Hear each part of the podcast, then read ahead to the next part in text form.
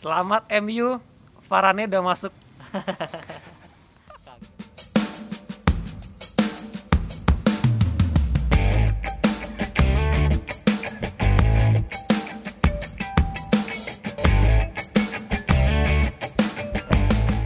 eh, kita nggak kemarin tuh aku pas Varane masuk, aku mau mention ke di, di Instagram loh.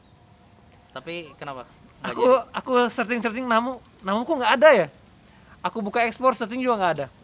Sampai akhirnya aku buka postingan podcast nyari namamu yang aku tag, aku pas aku klik namamu udah nggak ada di mu ke mana Chen? Em, gini, sebelumnya aku jawab terima kasih dulu ya karena udah nyelamatin Varane masuk ke MU. Itu yang pertama. Kenapa aku bilang makasih?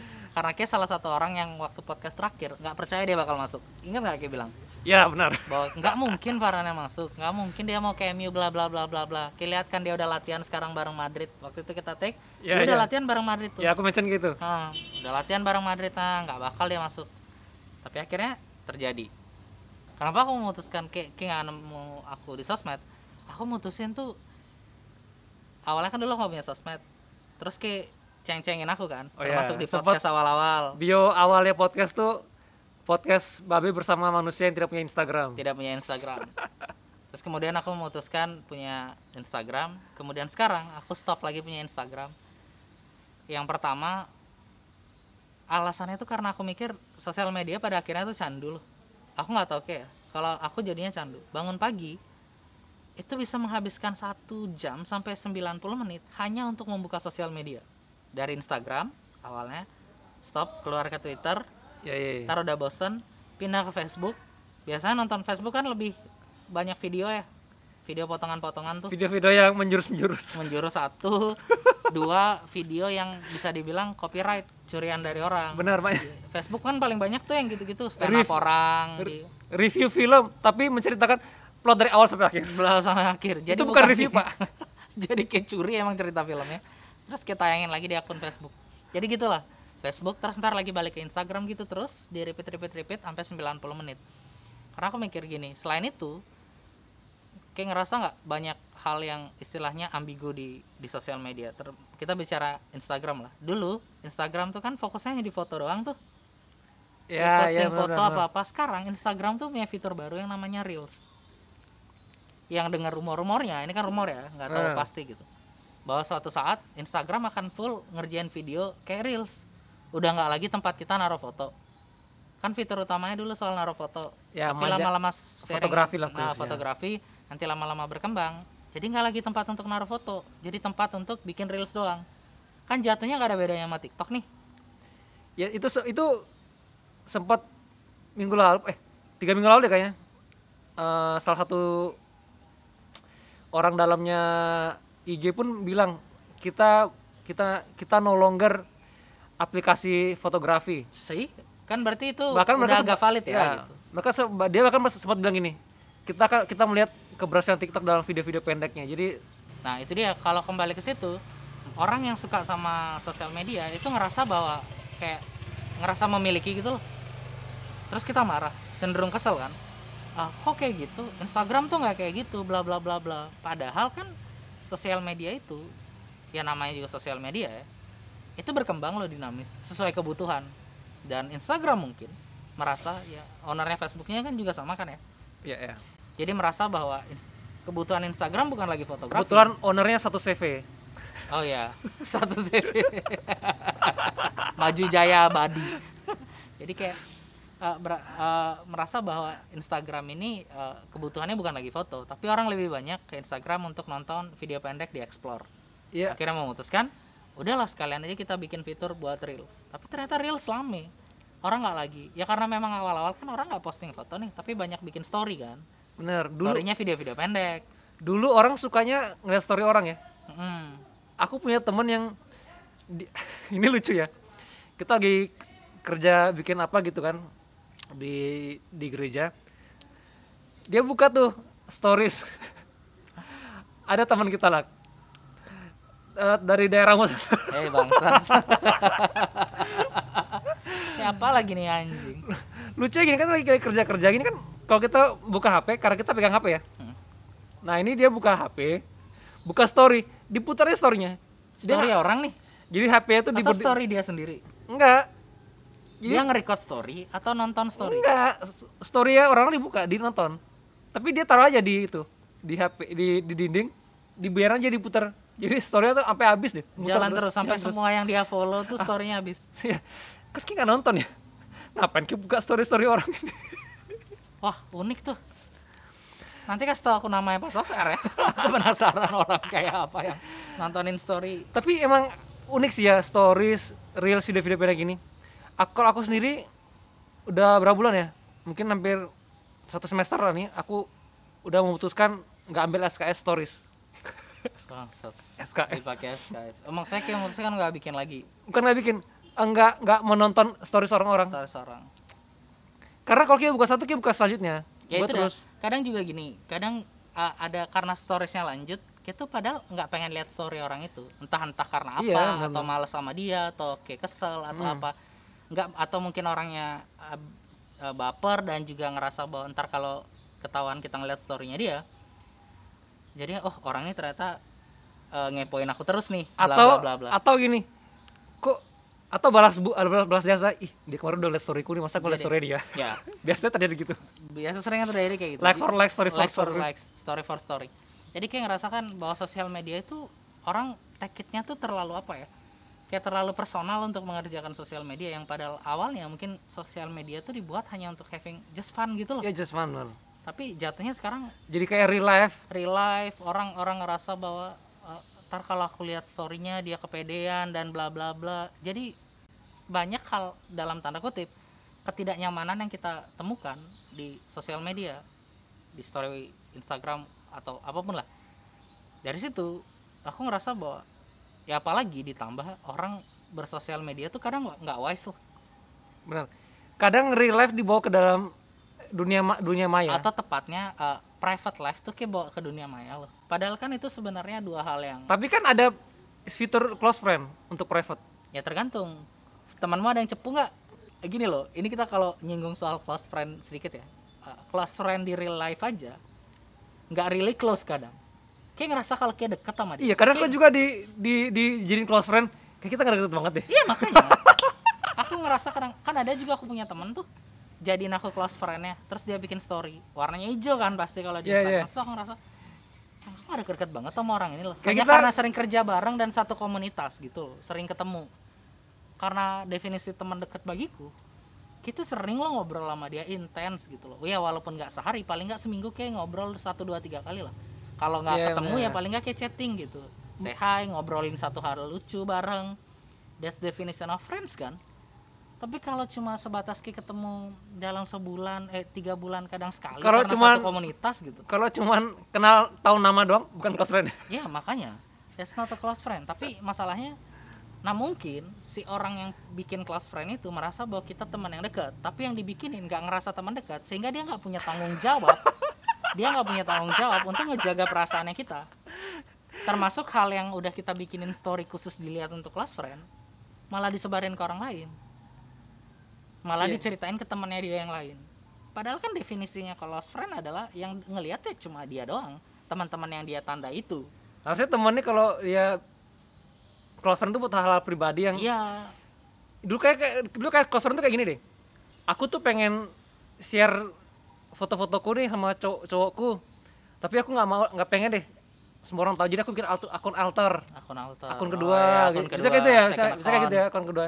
Yang namanya aneh-aneh tuh yang buat agak alay ya. eh, pemburu janda misalnya gitu. Tapi tetap support aja tetap aja di bionya tulis second account follow second accountku ya. Iya. ngapain buat second account buat yang share share pribadi tapi dikasih tahu di Ya, bio. tapi kayak dikasih tahu ntar ini first accountku yang ini gitu ya, sama aja bohong follow juga second accountku ya. Atau misalnya ada orang yang buat twitter nih supaya dia bisa nyampah ngomong apa aja. Tapi kemudian di twitter bionya bilang "Eh, kalau mau ngelihat eh, Ya. aku yang sebenarnya dia tulis loh nah aku yang sebenarnya mampir ke Instagram aku yang sebenarnya ini kayak gimana anjir emang kayak di twitter jadi apa Nah itu dia, makanya kayak habis itu karena mungkin orang main bikin akun-akun sek- kayak Instagram melihat perilaku ini kali, makanya dibuat close friend. Tapi ternyata nggak aman, nggak aman juga loh Chen, ya makanya sharing dah. hal-hal di close friend itu. Enggak, karena begini, yang kan kayak yang kayak yang bikin close friend menganggap orang-orang ini adalah teman dekatmu. tapi dia menganggap kayak yang sama nggak gitu nah itu yang aku bilang tadi. Nggak berbalas. Iya nggak berbalas. Dia dia ngerasa kayak temannya atau ngerasa ah nggak cuma teman biasa. Nah jadi dia nggak punya tanggung jawab untuk tidak menceritakan lagi. Paling nggak janganlah di share ulang ya atau di Iya, iya. repost. Tapi paling nggak dia ngomong gitu ke temennya yang lain. Eh aku lihat tadi di storynya si ini dia posting kayak gini. Padahal kan gunanya dia bikin close friend adalah supaya yang lihat tuh cuma aku. Iya iya tapi benar aku malah ceritain ke cuman orang di, lain. di circle kita doang yang di yang circle tahu. kita benar. doang. Gitu jadi kayak ya anjir orang ini Ya, tapi ngomong-ngomong yang ini kayaknya nggak kemarin sempat beredar video video close friend-nya artis artis itu Nah Yang- gini, itu yang aku bilang tadi bahwa kalau misalnya orang tuh kadang tuh nggak wise di sosial media, dia nggak tahu menempatkan yang mana di private life, yang mana yang boleh dia share ke orang lain. Karena salah satu dari temennya close friend-nya dia mungkin aja emang anjing aja. Ya, ya maksud nggak seclose yang kayak pikir. Tapi aku mikir gini kemarin yang si artis yang ciuman itu ya Eh, dua garis biru. ya si ade ade ade Zoro tapi kayak kalau jadi si Dek Zara ini kayaknya emang Tadi nggak ada disebut namanya sekarang. ya udahlah orang udah tahu deh sosial media Iya. kayak temennya juga mikir gitu deh ya udah kayak di share di Instagram ya udah milik semua orang lah siapa aja bisa tahu lah Eh, iya sih, harusnya. harusnya kan gitu ya harusnya harusnya. kan kayak gini kita misalkan eh di Facebook nih zaman dulu ala-ala ya curhat di Facebook Tapi Malah pas ditanya sama pas tanya, temanmu kayak kenapa? "Ki kenapa? Ki nggak usah ikut campur masa hidupku lah ngapain kayak gitu bangsat eh, eh, itu sampai sekarang lucunya itu masih terjadi loh hanya pindah platform iya benar kalau kalau dulu orang di Facebook kayak Hmm. gitu terus pindah ke story atau awal sebelum zaman Instagram pindah ke Twitter orang curhat nih di Twitter panjang sampai Iya. sampai eh, jadi apa sih istilahnya kalau banyak Thread, thread. thread sampai jadi thread Oh, anjir lupa. Sampai jadi thread tapi giliran orang yang ngebaca threadnya saking serius kemudian nanya kayak kenapa ya? Kayak punya masalah? Cerita dong. Orang ini nanyanya Ya. di DM loh. Itu positif ya? Positif. Tapi orang nggak peduli sih maksudnya dia ngejawab ah, enggak deh kayaknya aku nggak perlu cerita ini ke Ke kenapa Ke bikin thread anjir? Kan udah baik ya kayak ada masalah ditanyain. Kok kayak nggak nggak mau ditanyain orang-orang? Nggak mau diurusin orang-orang? Ya nggak usah share bangsat. Ya maksudnya kan gitu. Ah, definisi dari share itu ya kita kita bicara share. Ketika kayak memutuskan share kayak pengen orang lain tahu dong. Ya tapi gitu ya. Eh tunggu tunggu. Kayak kayak pasti dalam hidupmu ada kayak buat sesuatu yang sebenarnya nggak nggak penting-penting banget tapi gatal aja. Ih orang orang harus tahu nih bukan sekali dalam hidupnya ya hidupku ya. Kalau menurutku waktu aku masih sosial, punya sosial media sering banget tuh. Aku aku harus hal tahu yang menurutnya ku kayaknya nggak perlu loh. Sampai sekasan ya aku berantem sama cewekku ya sosial media tak posting. Lagi suka sama cewek ngasih kode di Facebook. Hmm. nulis kode-kode. Apa ya. Us, ada ada ada perasaan gatal gitu ya. Sehingga berpikir bahwa dia baca. Ternyata enggak Ter- ter- ternyata kalaupun dia baca ya elah ya maksudnya kalaupun dia baca dia memikir harusnya kayak ngomong ke aku dong. Iya benar kalau kayak harusnya. suka nggak usah kode kayak gini.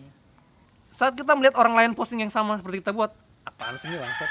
Ya ya tapi ketika Tapi kita yang buat ada kita, pembenaran. kita, kita mengalami bukan pembenaran Chan kita mengalami punya perasaan gatal aja aku pengen posting gitu. Pengen pada pengen akhirnya kita memutuskan untuk melakukan hal pengen yang sama. ngeluarin pengen ngeluarin. Yang konsepnya nggak jauh-jauh beda. In- termasuk yang soal si uh, artis tadi bahwa kemudian Ya. dia memutuskan untuk ya mereka kan Francis tuh. Ah Fran- Francis. Francis oh Francis aku dengernya Francis Oh, aku soalnya. jadi sosok jaksel terminal Manggarai lagi. Ya Hai Francis. I can see that. Aku masih ingat. Ya, itu ada. Eh, tapi podcast bulan lalu. I can see that. Inggris uh, uh, Gitu, Jaksel. Jaksel terminal Manggarai. Terminal Manggarai. Terminal Manggarai kan di, di jaksel ya? Ja, enggak. Oh enggak ya? Meng- stasiun Jak eh, Terminal Manggarai bukan Jak- Jakbar kalau nggak salah. Oh, aku nggak tahu pastinya. Oh, berarti- silakan dikoreksi, tapi nggak di Jaksel. berarti logat terminal Manggarai Jakbar Jakbar. ya tadi mau Valid kalau itu. tadi ya, mau ya, ya? kalau kayak bilang bahwa itu cuma friend kiss. Tapi adakah hal cuma dalam bersosial media?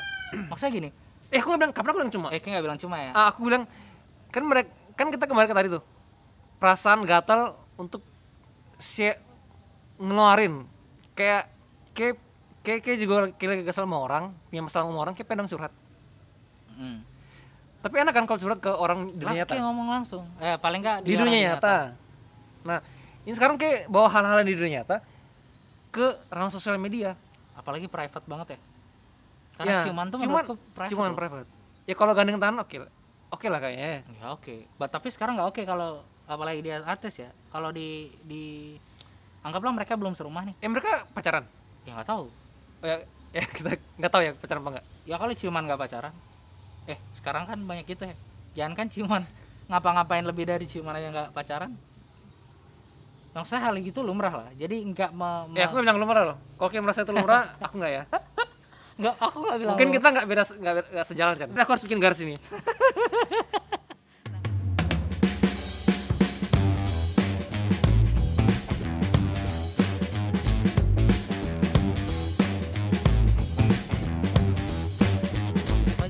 yang aku lihat sih dari segi umur mereka berpasangan nggak apa-apa. Ya nggak apa-apa. Beda 9 tahun tuh pacaran ciuman nggak apa-apa kan? Nggak apa-apa lah orang tapi pacaran. walaupun ada beberapa kepercayaan yang itu nggak boleh ya. Itu ya karena Yang belum strict nggak boleh. belum belum terikat gitu. Ya, ya. tapi biasanya sih di society di soci- society yang Oh, gokil. Udah mulai nih. Keluar. Di masyarakat yang terjadi di biasanya kan jadi sesuatu yang terjadi lah cuman itu ya ya jadi kayak pembenaran aja gitu karena Ah. banyak terjadi jadi di di dilumrahkan. Mas society Mungkin ya bukan cium- kita ya. cium kening Hah? cium kening malah jauh banget anjir. Nggak kalau biasanya kan kalau cipika cipiki itu biasa. Cium kening, cium kening. kejauhan anjir. Kan level level dulu level level dong. Cium kening Ah. cium pipi kiri pipi kanan wajar lah ya masih ya. Ya kalau di depan umum. Oh iya iya iya. kalau cium cipokan main lidah kan nggak ya? Oh enggak dong. Kejauhan. Itu kayak harus di tempat yang nggak umum ya? Yang enggak umum. Kalau di negara kita enggak umum. Kalau di luar negeri biasa. Dolar ya mungkin biasa ya. Cipokan French kiss ciuman French eh, cipokan. French kiss bukan cipokan lah. French kiss apaan? French kiss kan ciuman yang cuma tes gitu doang. Itu French kiss Terus itu gimana Jen? kleng. Gimana maksudnya? Jadi kayak dia cuma nyentuh nggak sampai berapa detik cuma gitu kayak model cipika cipiki tapi di bibir Oh, jadi bibir oh, ketemu bibir tapi cepat gitu. Itu Kalau kalau cipokan main lidah. Kalau Francis kepalanya miring nggak? ya intinya dia ciuman. Mau miring palanya mau lurus tapi intinya bibir ketemu bibir tapi nggak lama. Kalau cipokan Mm, lama. ya the, the real kiss. Bahasanya jadul banget cipokan. The real kiss itu lama dan melibatkan lidah. Even nggak melibatkan lidah juga nggak apa-apa. Tapi sebenarnya ini masih diperdebatkan loh. Kalau menurut orang the real eh, the real kiss itu harus melibatkan lidah tapi kalau menurut orang Indonesia selama kayak ciumannya lama lama nih bener Hmm. ya emang kayak ciuman aja itu baru ciuman namanya tapi kalau French kiss tuh yang kayak kayak nempel tinggal gitu loh kayak gimana aku nyontoin kayak, Kemarin- kayak cium tangan sama orang tua deh nah itu kayak French kiss tapi bedanya bibir sama bibir Itu cuman mampir aja namanya. ya yang yang video itu mampir Nah ini nih. aku nggak lihat loh Anyway, Aku kemarin kalau bilang tadi aku kalau tahu kita dari cewek gini, kita, aku bahas definisi ini. nih. Karena definisi ciuman. Podcast kita bahas definisi bahkan aku ciuman. juga baru tahu nih Francis Francis itu bukan no Kayak bener sih. iya ini yang French aku tahu ya. Cipokan French kiss. Cipokan beda beda. adalah friend, Fr- makanya kan namanya French kiss ciuman temen temen apa yang cipokan? Eh bangke kok cuman temen French kiss itu bukannya iya iya maksudnya definisinya bukan definisi secara harfiah maksudnya French kiss eh eh eh, enggak. eh Jaksel Terminal Manggarai Francis Francis itu French Prancis bangke iya iya. Bukan tapi definisinya French bukan itu- cuma teman French bangke iya maksudnya tapi definisinya Kalau French yang aku tuh- tahu tuh bukan cipokan that's the real kiss. Nggak gini. Ciuman Eskimo dilakukan dengan cara menggosok-gosokkan hidung anda Ya, dengan eh Zealand. ini artikel sorry. Fre- valid nggak tuh? cuman satu. Ini dari liputan6.com ya. Bukan liputan 9 yang receh-receh itu. Cuma satu ini dengan eh, nah kalau French kiss? French kiss melibatkan lidah seseorang yang menyentuh lidah pasangannya. Inilah sebabnya French kiss dikenal juga sebagai ciuman lidah. Oh nggak tahu tuh. Karena definisiku yang aku tahu French kiss tuh itu Enggak, kayak ya, French kissmu ya French ini. Teman mungkin ya. I'll be there for you. Waduh. Itu French ini French Prancis Prancis. Ini dari jakokata.com ya. Cipok adalah ciuman yang berbunyi. Kayak orang cuma sampai bunyi kan enggak deh. Mungkin bunyi bunyi perput pergesekan. Apa? Tapi bukan bunyi dimaksud apa nih? Bunyi yang terjadi karena persentuhan atau bunyi yang dibuat-buat? Nah itu pertanyaan berikutnya lagi. Emang ada orang ciuman bunyinya dibuat-buat? Sampai nempok-nempok pipi biar bunyi? Oke. Akhirnya pusing kan? Padahal kita mau, bukan membahas jenis-jenis ciuman tapi gini Coba kayak buka videonya deh. Saya nggak videonya. Nggak tahu kayaknya udah dihapus ya Kemarin tuh mereka cium ciuman apa ya? Coba coba kayak cari dulu, Chen. Oke, kita break 5 menit kemudian. Oke, kalian kembali. coba Chen bentar, Chen. ah, ya udah kayak lihat ya Jadi harus puas banget ya proses ciumannya adalah dari ciuman bibir dulu cuma deh eh ciuman si pipi dulu Zara mencium pipi, terus lanjut lalu ke bibir lanjut pipi lagi lanjut ke bibir dalam hitungan yang 0,567 detik. waduh anjir pakar telematika Ya. Roy Suryo Kalau kita videonya tuh harusnya pacaran Enggak, aku nggak nanya itu. Kok kayak nebak-nebak? Kalau lihat video itu, ah gini, wajar nggak di posting? enggak Kenapa nggak wajar? Itu kan nggak cipokan, cuman cium yang mampir doang kayak kayak bilang tuh, friends, friends yang Friends there, temen. I'll be there for you deh kids. nggak usah keulang-ulang. Kelihatan aku begonya ntar. Aku baru tahu Friends Kiss tuh Friends Mungkin Jerman. harus ganti, harus ganti ini deh, I'll be there for you kiss deh. ya IBL eh, enggak dong ini ada siapa sih pemeran yang cewek aku suka banget? Jadi Udah nggak usah bahas serial lah, jadi jauh lagi. kalau ditanya bahwa itu wajar diposting di sosmed ketanya aku enggak karena aku gini. pernah kayak gitu. Dan harusnya Kok, nggak kayak gitu. kok patokannya ke? Karena Ki nggak pernah. ya kan kayak nanya aku. Kan wajar dan wajar jadi opini ku dong. Iya dong. Ini kan aku nggak beropini mewakili siapa siapa Oh iya. jadi aku mewakili diriku. Kalau tanya aku enggak aku Baru pernah aku kayak mau gitu. jebak lagi. jago kayak emang. Menjerumuskan teman. Jadi kayak aku sih ngerasa bahwa itu tuh nggak wajar even kalau cuman pipi doang menurutku pun nggak harusnya nggak diposting di sosmed. Walaupun sebenarnya kalau misalnya Gini, di gini. video ini nggak ada kita kasih kita, bibirnya kita kasih level ya. Kalau ki foto sama pacar berduaan cuman berduaan doang nih sebab-sebaban di kafe gitu. Hmm. upload nggak apa-apa. Anyway aku pacaran 6 tahun sama cewekku nggak pernah posting foto di sosial media loh. Oh gitu. Jadi orang nggak tahu kalau aku punya pacar. Oh makanya kayak nonaktifin IG-mu ki buat second account. Enggak nah mulutmu biasa dah nih. Lo yang Evan Marcel dengerin loh. Evan Marcel 26 itu oh bukan beda lagi. Siapa lagi Evan? Marcel kalau foto berdua doang nggak? Ya kayak level ada levelnya. Levelnya. Kita lihat orang posting yang kau sekilah kayak kan emang udah nggak punya IG juga ngapain dibahas? Bener. Kalau kirim foto or- Orang. kalau kalau temenmu foto upload foto berdua sama pa- pacarmu nggak apa berdua sama pacarku eh kok pacarmu ntar dulu? Oh, ya. aku kaget. Kok jadi berdua sama pacar Oh, aku juga kaget. Kamu Kenapa gimana nih? Mulai error. Kok sama pacarku? Gimana ceritanya? Ya apa apalah Oh, ya dia marah aku pasti. Anjir kalau ke pertanyaannya itu ya apa apa temenmu ngupload pa- foto, Foto. bareng pacarnya nggak apa nggak apa eh Dalam- makanya ngapain dulu? Ya kan ngupload Itu doang levelnya. di kafe lagi duduk berdua sebelahan. Terus mereka pegangan tangan kalau ngupload foto pegangan tangan misalnya. Sekarang terus mereka sekarang Gandengan. gandengan pegang tangan. Nggak apa ya? Nggak apa-apa. Cowok yang ngerangkul pundak ceweknya. Masih nggak apa-apa. bisa Nggak aja apa. teman bro bro. Soal Kok- kan pacarnya? Ya nggak apa-apa nggak apa-apa. Dia ngerangkul cium keningnya cuman kening. Pacarnya? Hmm. Hmm, itu udah mulai lampu kuning lah anggap ya kalau kita pakai lampu. Levelnya Oh, udah naik levelnya ini udah cuma, naik. ini cuma pacar ya karena kan pacar ya? Ya pacaran. Kalau suami istri nggak apa-apa lah ya. Iya nggak apa-apa. Kalau suami istri nggak apa-apa nggak apa-apa. Ya kan tanda kasih sayang. Ya ya tanda kasih sayang. Kalau bikin video ciuman seperti ini menurutmu? Kalau di yang upload seperti videonya si Sarah ini hmm, itu udah nggak boleh. Itu udah salah banget menurut kenapa nggak boleh? Kan tanda kasih sayang. Iya tapi udah ya. nggak pada tempatnya iya tanda kasih sayang tapi nggak pada tempatnya. Kan kita tadi pertanyaanmu tanda kasih sayang. Sepakat. Aku sepakat itu. Nggak nggak aku bantah. Tapi kalau tempatnya di sosmed itu nggak harus. Karena kan orang nggak nggak nggak harus lihat ke saling sayang. Kan nggak harus nggak kewajiban. Kalau di dunia ini itu kan di sosmed ya? Hmm. mungkin mereka ini kali ya apa? Mungkin mereka ya iya mungkin ini karena udah ppkm kali ya. Nggak apa apa harus nggak boleh di tempat umum. Mungkin kita pindahin dari tempat umum. Ke sosial media kali ya kan semua sekarang apa apa online. Online jadi Mungkin ciumannya online. cuma online. Ih, orang dia ciumannya ketemu kecuali dia bikin video kayak Aureli itu mungkin.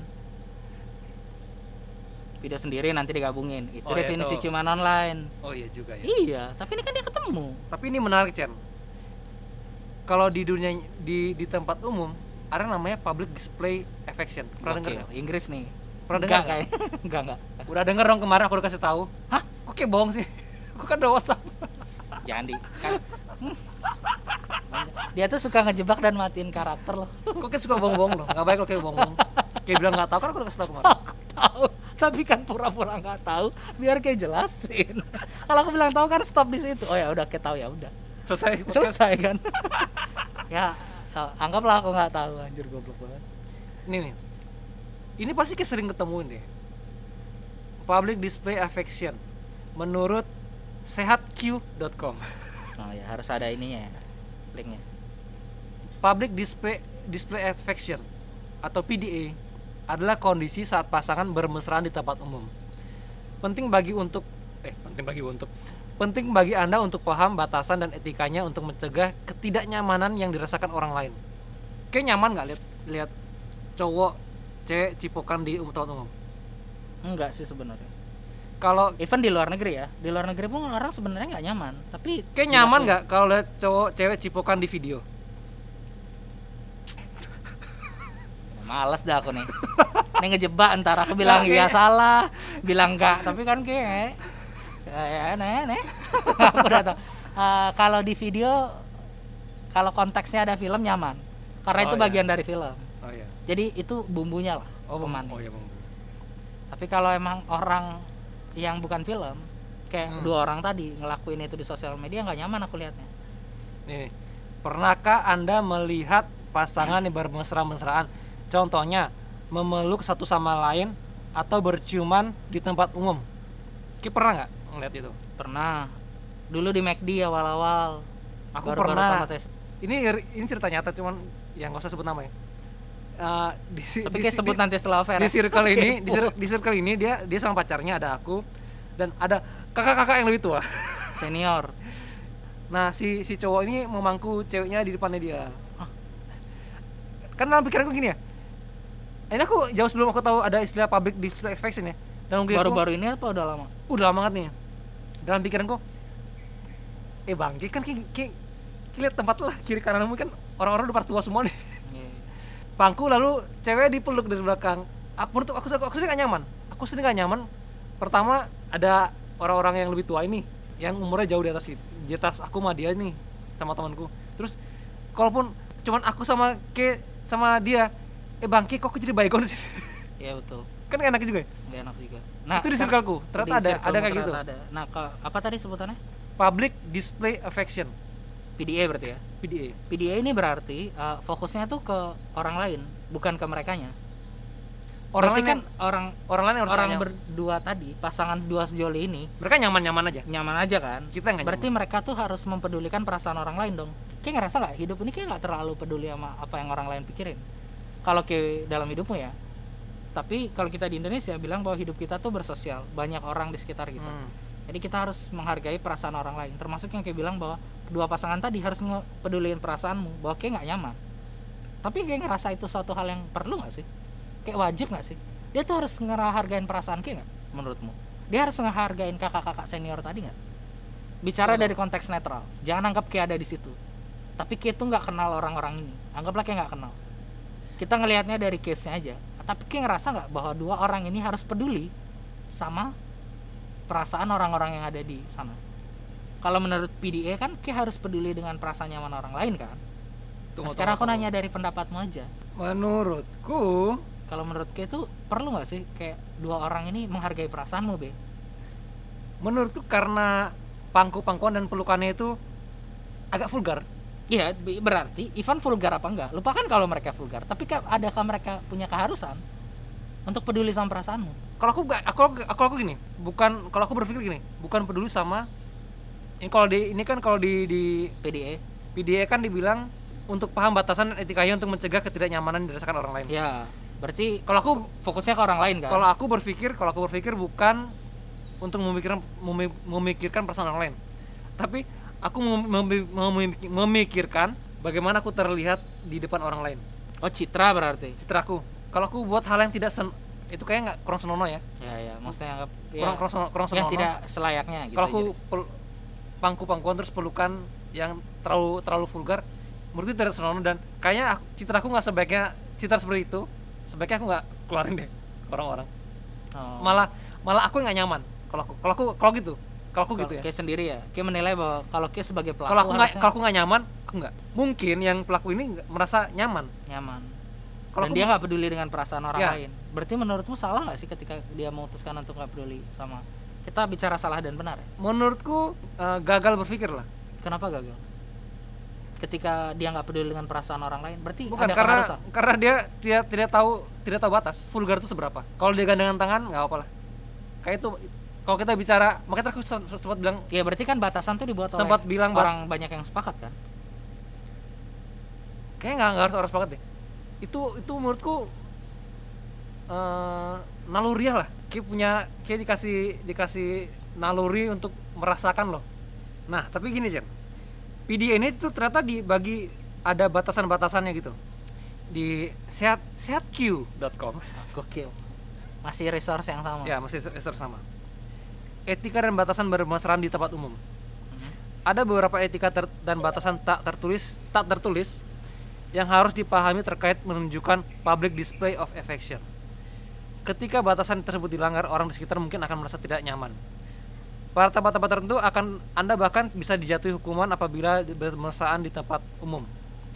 Berikut ini beberapa etika dan batasan yang harus dijaga. Pertama, sentuhan. Ketika di tempat umum, Anda diperbolehkan untuk menggandeng tangan pasangan Anda. Namun ada Anda sebaiknya hanya melakukan ini dalam situasi tertentu seperti hendak menyeberang atau menarik pasangan dari situasi berbahaya. Ki pernah gandengan sama pacarmu di tempat umum, di mall lah. sebenarnya kita bukan tipe pasangan yang suka gandengan gitu sih tapi pernah Pernah. jadi Lama-lama keringetan nih basah ya. bukan hanya keringetan kaku jadinya geraknya nggak luas aja kalau aku ya kalau aku kalau aku ngeliat kalau aku jarang sih gandeng tertentu aja. Tapi kalau aku ngeliat pasangan-pasangan pasangan-pasangan yang gandengan di mall pasti pasangan baru jadian. Eh, bisa jadi sih tapi Di, nggak di selama bawah di bawah tiga bulan, ya masih mesra-mesranya. Iya, iya. mereka belum berantem nih Ya, terus kedua ciuman. Ciuman mem- memang merupakan salah satu cara untuk menunjukkan kasih sayang. Anda boleh memberi ciuman kepada orang terdekat sebagai sambutan selamat datang dan perpisahan. Meski begitu, jangan melakukannya terlalu lama, apalagi di depan banyak orang. Lihat juga tempat di mana Anda berada. Beberapa tempat mungkin Anda tidak diperbolehkan untuk melakukan aktivitas ini. berarti Ya. lihat tempatnya. Cu- Cuman. Dan durasi. durasi, nggak lama-lama. jangan lama-lama. Nggak apa, mereka lama-lama nggak? enggak enggak nyampe 10 detik. Ya 10 detikan lah. Nggak akan 0,567 tambah kali tiga lah. Iya iya iya. Enggak nyampe lah sekitar 10 detik. satu setengah detik lah. Satu setengah detik. Ya nggak lama dong berarti nggak enggak enggak lama. Berarti untuk poin itu mereka lewat ya? Aman. Poin durasi kan ya secara durasi mereka nggak lama-lama sih sebenarnya penciumannya cuman banyak. Ya kali. nggak cuman nggak lama tapi banyak. Banyak. Tiga kali. Pipi bibir pipi. Ya berlebihan sih itu termasuk kan hah? Ya dong. Bisa didebatin lagi nih? Berlebihan kan? Lebih dari sekali? Oh iya. Lebih dong. Lebih lebih. Lebih lebih dong. Lebih lebih. Iya kan? Ya, kalau Lebih katanya dong. lebih dari sekali ya lebih. Yang ketiga nih meraba-raba. Mereka enggak tuh. Saat berada di tempat umum hindari meraba-raba tubuh pasangan anda tindakan tersebut tergolong tabu dan menimbulkan ketidaknyamanan bagi orang-orang melihat yang melihatnya. Tabu. Kalau di masyarakat kita di Indonesia emang ya enggak.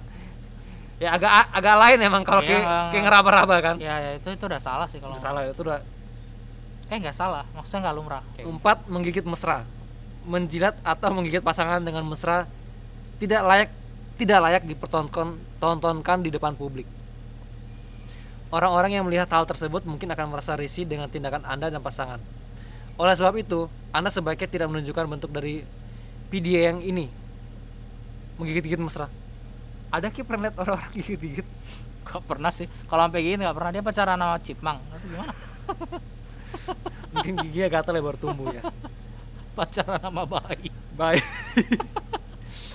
lima. Nah, ini lima nih. Mengunggah kemesraan di media sosial. oh ada ternyata Tiap orang punya hak untuk mengunggah foto maupun video bersih Ah. kemesraan di media sosial. tapi ada tapi Namun, tindakan ini bisa membuat orang-orang melihatnya merasa tidak nyaman. Tidak hanya itu, Postingan tersebut mungkin akan membuat Anda dan pasangan malu di kemudian hari. Jika hendak mengunggah konten kemesraan, pahami dulu konsekuensi yang mungkin terjadi. Apakah itu layak atau tidak layak untuk Anda upload? Menurutmu layak nggak si kemarin itu walaupun di upload di close friend ya? Kalau konteksnya adalah karena mereka public figure, itu sebenarnya salah. Nggak layak karena Hmm. memberikan contoh buruk. Eh, cut. Kecing dulu ya.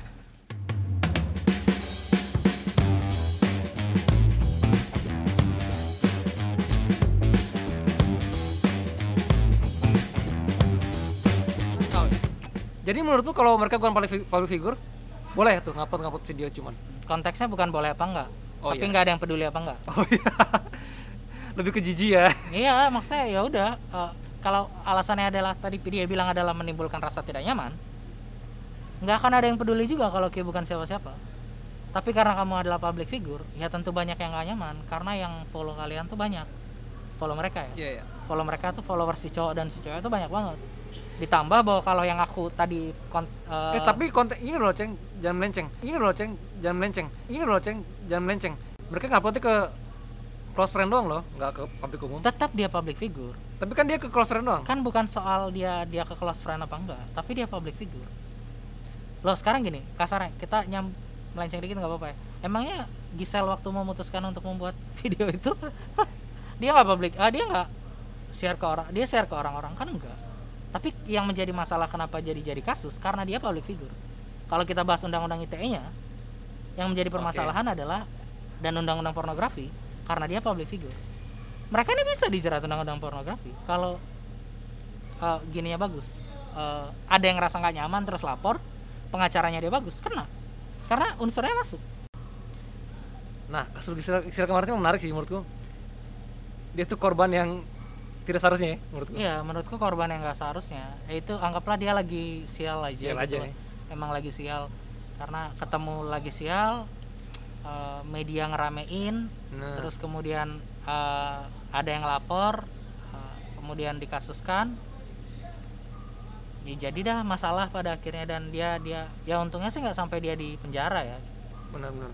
tapi kemudian hanya dikasihkan aku nggak tahu sih endingnya bahwa dikasih surat peringatan atau somasi atau sebagainya Padahal itu kan sebenarnya untuk arsip pribadi ya. yes bahkan itu kan nggak bahkan dalam tanda kutip kita bicara soal privasinya ya, masih lebih baik dia daripada si Okin sama Sarah karena dia kan Ya, bukan ngupload ngupload, gitu loh. benar. kalau Okin sama Sarah kan dengan sadar mereka mengupload Menurutku pengaruh media sosial ini terlalu besar dan akhirnya bias. iya bias Siapa yang salah, siapa yang benar.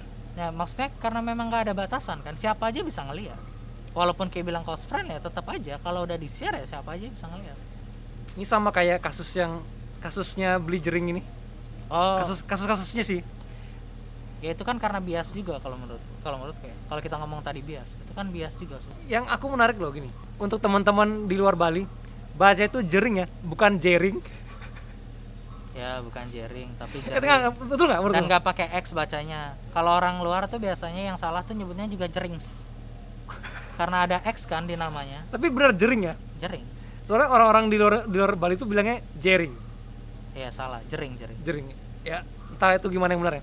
ya itu kan tapi soal tapi kita tahu yang kita tinggal di Bali ini. BTW aku macanya di Bali ya. ya Setahu kami dari dulu sih jering ya bacanya. bacanya jering Dan nggak pernah orang baca JRX ya. Ya nggak pernah orang Ada baca- juga yang baca yang nyeb- nyebut JRX beli JRX secara secara harafiah. lurus Eh, lurus si, banget si JRX ini bla bla bla. Nggak nggak gitu. nggak dia artinya tuh jering Nah. namanya jering Beli beli je- jering ini kan terkenal dengan konspirasi. ya Bener nggak? yes Aku sendiri pun cuman mendengar itu dari bias-bias media aja. ya ya kan kita taunya bener kayak ini Tahu- secara gini loh kalau kata dokter Tirta kita semua ini nggak pernah duduk bareng ngobrol sama dia karena kalau kayak ngobrol sama dia orangnya asik banget aku pun walaupun kita di Bali kita tuh nggak pernah punya kesempatan untuk duduk dan Ya, dengerin dia sama. ngomong kan Aku cuman pernah dua kali ketemu, nggak ketemu sih, melihat secara ya langsung. melihat- kalau melihat secara langsung ya karena Iya. dia kan punya band kan paling nggak satu dua kali kita pernah Ya. nonton lah gitu tapi kalau kita pernah duduk dan denger dia yang dia omongin nggak pernah nah permasalahan di media itu kan gitu. Orang tuh hanya mendengarkan sepenggal sepotong bahkan kasarnya ya. Kalau dia interview di TV kadang si presenter juga mengarahkan opininya. Padahal yang mungkin yang ada yang maksud itu. Nah kalau kita kembali ke bleachering nah sekarang kalau kita bicara konspirasi emang kayak orang yang nggak percaya konspirasi sama sekali? Ini kita harus di depan harus oh ya penting nih. Kalau kita sendiri gimana? Orang yang percaya konspirasi nggak? Aku konspirasi kita kan pernah bahas ini di awal-awal tuh 50-50 ya. Dalam artian antara Tidak- percaya dan nggak percaya. Ya tapi lebih ke lebih ke seru aja gitu kayak baca-baca cerita-cerita konspirasi. Untuk ya jadiin bacaan aja bukan untuk sesuatu yang jadi pegangan. Cuman cuman sekedar tahu tapi asik aja dijadiin bahan cerita gitu tapi kayaknya. itu kayak nggak jadiin pemahaman bahwa itu yang utama jadi mindsetmu gitu? Ah nggak dijadikan prinsip hidup lah. Oh ya, emang salah juga sih kalau sampai sampai kejauhan ke prinsip hidup. Kalau aku tuh nggak bilang percaya konspirasi, tapi aku percaya yang namanya probabilitas. Karena aku pernah bilang tuh dulu probabilitas itu seperti apa maksudnya kemungkinan. ah, oke ya itu usah diceritakan Iya, iya emang itu kan. ya Jadi maksudnya ada. jangan kayak Google dong Ntar Masa- bilang kisah aku French kiss lagi. Kenapa kalau Google gini loh kayak nanya arti dari mobilization Indonesia adalah mobilisasi, Mobilisasi. nggak gitu maksudnya oh iya. Proba- maaf, maaf. jangan di Google Translate dong Maaf. Maksudku adalah aku percaya bahwa uh, segala kemungkinan tuh ada aja gitu. Di di dunia ini segala yang jadi hanya karena kita tahu sebuah fakta dari media, berarti bukan tidak bukan berarti itu memang yang beneran terjadi. Kadang Ya. mungkin ada hal lain di balik itu. Nah, orang nyebutnya itu konspirasi. Padahal sebenarnya itu namanya probabilitas, kemungkinan. konspirasi KBBI Nah, dan menurutku Tunggu, Belajaring adalah orang yang percaya Sabar. kemungkinan.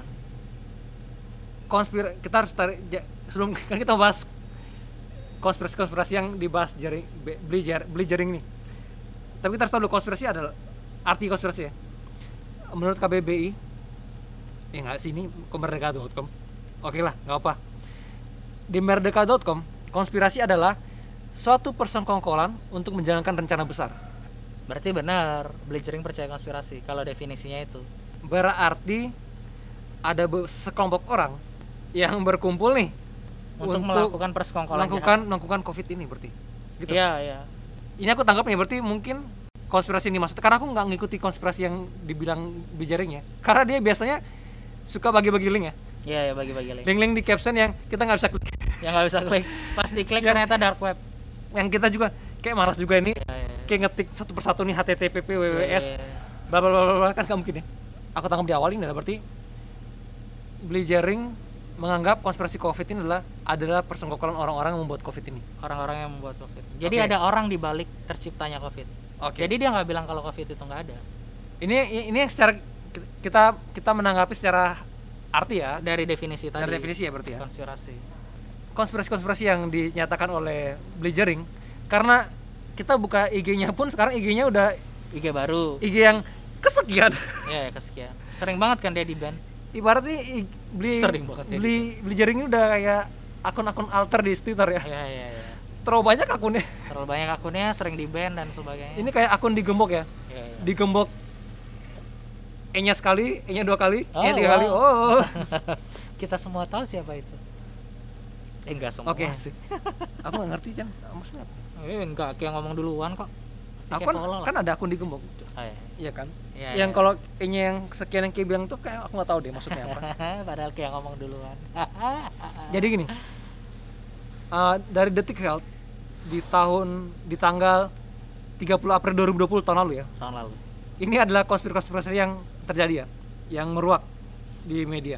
Satu, berasal dari laboratorium Wu- Wuhan.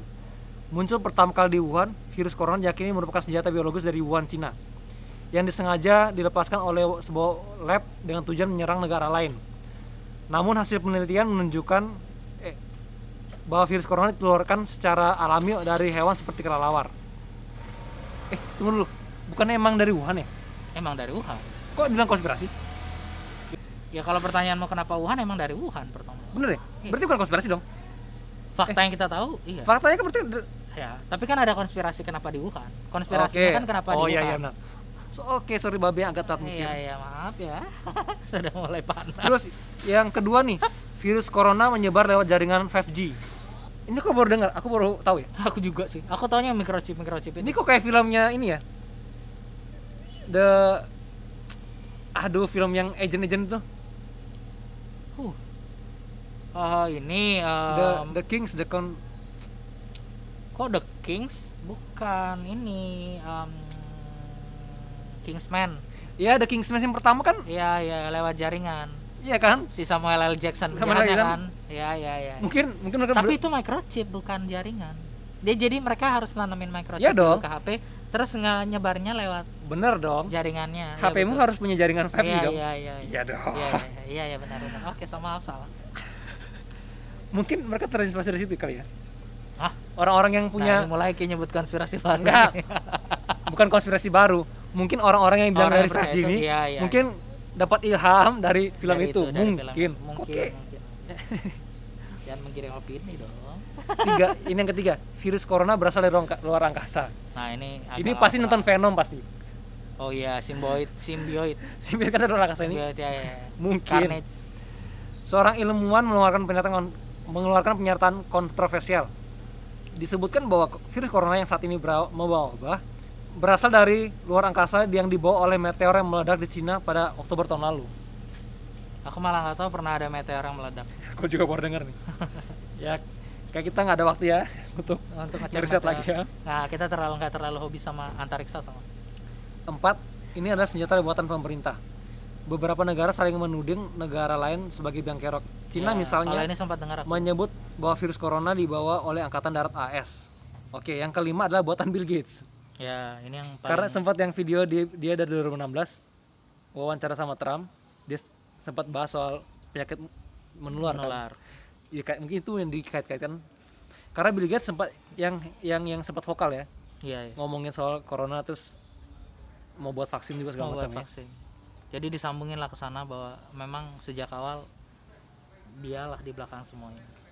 Lalu itu yang secara se- secara global dirangkum ya kompilasi-kompilasi konspirasi, yang konspirasi yang beredar. beredar nah kalau dari K yang K secara ini secara langsung dari Albert Jering Nah, yang Yang yang, disampaikan aku, yang dia. aku baca ya.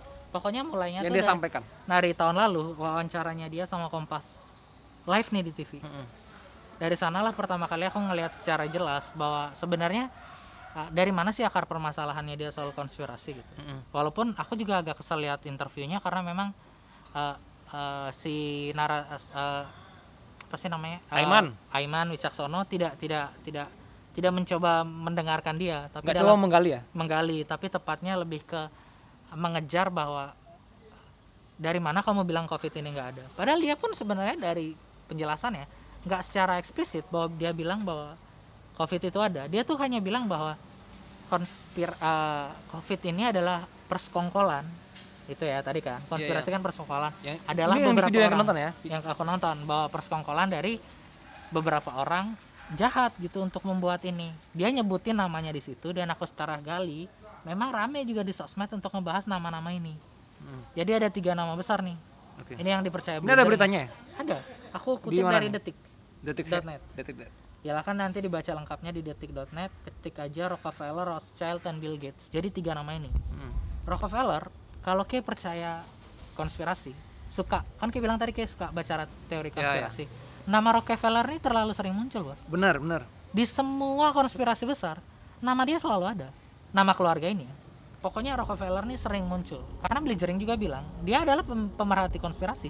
Jadi kayak gak seujuk-ujuk bahwa dia tuh emang percaya covid adalah konspirasi. Orang ini percaya bahwa banyak hal yang terjadi di dia, dia jelasin di Oke. videonya. Banyak hal terjadi itu karena konspirasi berarti Termasuk sebelum covid ini pun orang ini emang percaya konspirasi. Oke udah udah mendalami lah ya. Mendalami. Jadi kayak nggak bisa seujuk-ujuk anggap dia karena oh kayak nggak percaya covid. Enggak dia emang mengaitkan banyak hal dengan konspirasi. Oke. Bom Bali dia sebut eh, 9/11 dia sebut. Mm. kalau misalnya kayak bicara hal besar em, nama-nama nama-nama ini akan selalu muncul. Yang di mana kalau langsung ke paling bawah aja misalnya ya langsung ke intinya. Kenapa mereka sering muncul? Eh, karena mereka tuh orang kaya. Oke orang kaya. Jadi semua konspirasi itu selalu melibatkan orang kaya. Selalu.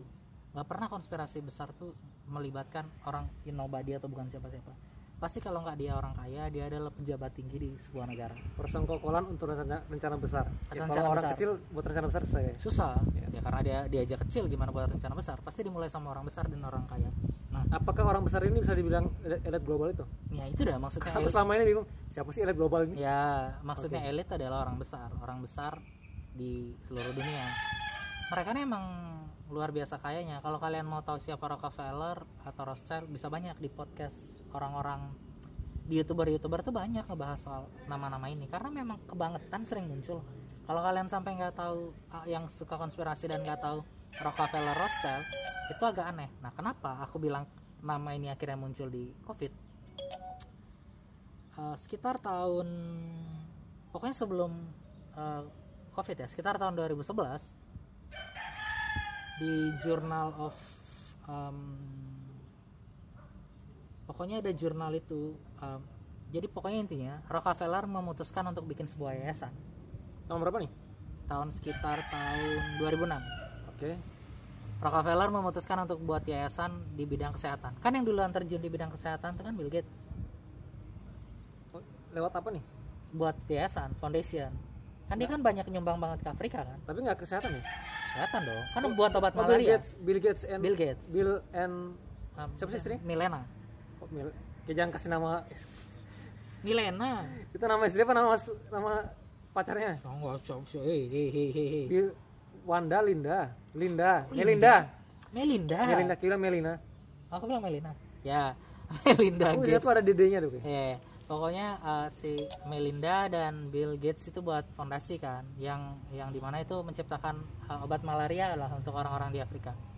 Kemudian Rockefeller memutuskan untuk join, mereka buat yayasan bersama, yang di mana eh, di dokumen dari dari dari dari salah satu dokumen yang dibuat di mereka terbitkan dari yayasan itu ini dibahas juga di, disinggung sama Blazering dan dia memang menyinggung hal ini. Kenapa akhirnya dia mem- uh, percaya bahwa ini di belakang elit global?